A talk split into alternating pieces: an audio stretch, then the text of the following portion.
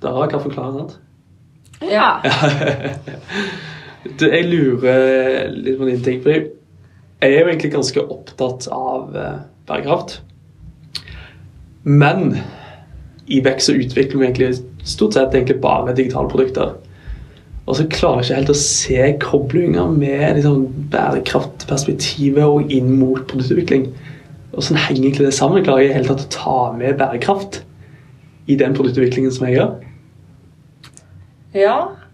Eh, alle må ha muligheten til å ta hensyn til bærekraft, uansett om du driver med digital eller fysisk produktutvikling. Du lager et produkt som skal være attraktivt for brukeren, og så eh, skal du lage et godt eh, Du skal lage et godt og solid produkt. Det skal være godt teknisk. Eh, og så eh, skal det jo være lønnsomt. Eh, Men den lønnsomhetsbegrepet det skal være, eh, Lønnsomhet bruker vi jo bare for at det skal være bærekraftig over tid. Det skal generere inntekter over tid. Eh, Men det skal også være bærekraftig i den forstand at ressursbruken som går inn, skal også være bærekraftig. Og ikke bare kanskje da for selskapet isolert, da, for de som lager dette produktet, men at man tenker i en større kontekst da, og ser helheten i det.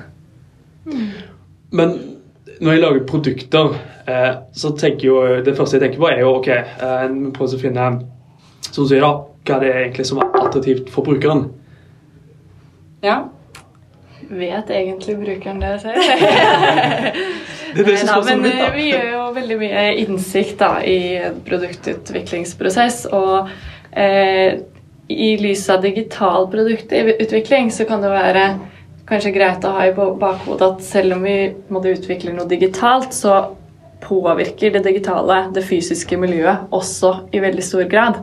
Eh, og eksempler på det er f.eks.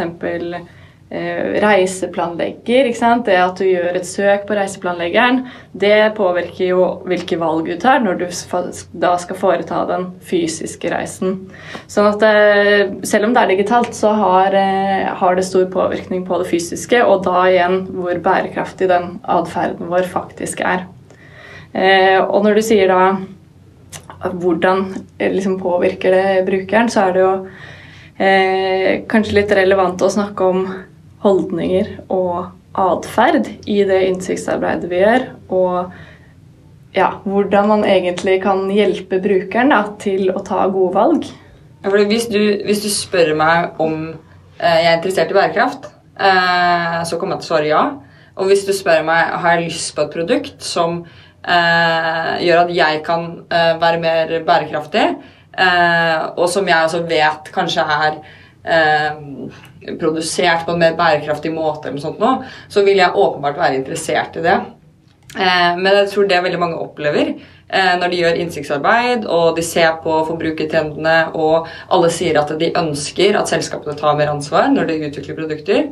Eh, Så ser man når det kommer til stykket at eh, det er et gap da, mellom hva folk sier at de ønsker og at de vil ha, og, og de valgene de faktisk gjør i eh, i den tiden der de enten skal kjøpe et produkt eller velge en tjeneste.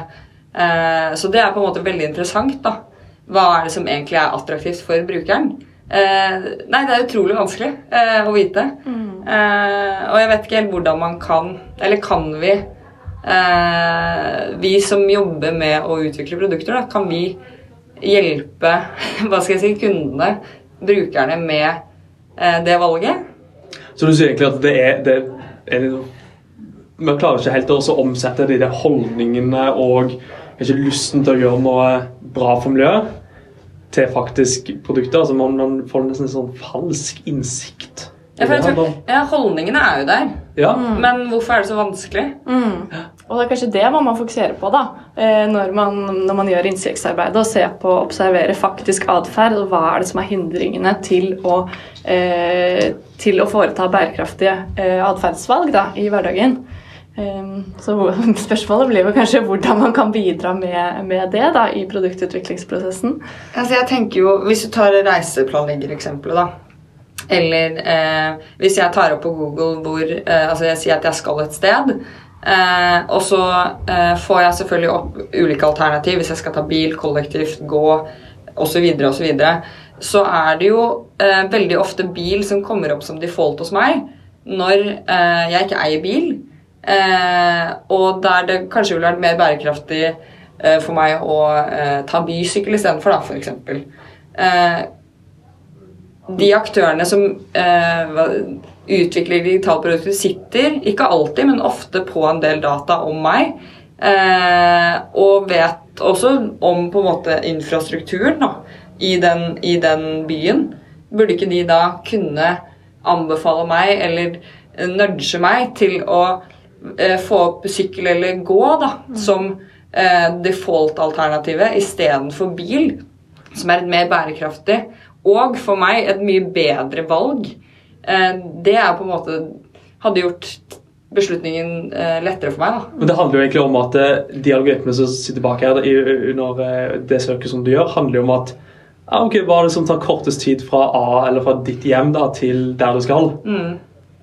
Så det du kan si at det, ja, det, Jeg ønsker egentlig å sortere de alternativene jeg får opp, på andre ting enn tid. Ja, ja. Det handler kanskje om de beslutningsparametrene som ligger til grunn. Istedenfor at tid blir det eneste, så eh, kunne man eksempelvis hatt kostnader som en del av algoritmen, eller CO2-utslipp f.eks. Og da hadde kanskje valget blitt eh, annerledes også ut, hos sluttbrukeren til sist. Mm. Eh, og det går jo også det går litt på det at for å lykkes med bærekraftig forretnings- og produktutvikling, så må bærekraft være en del av alle eh, beslutningsprosesser.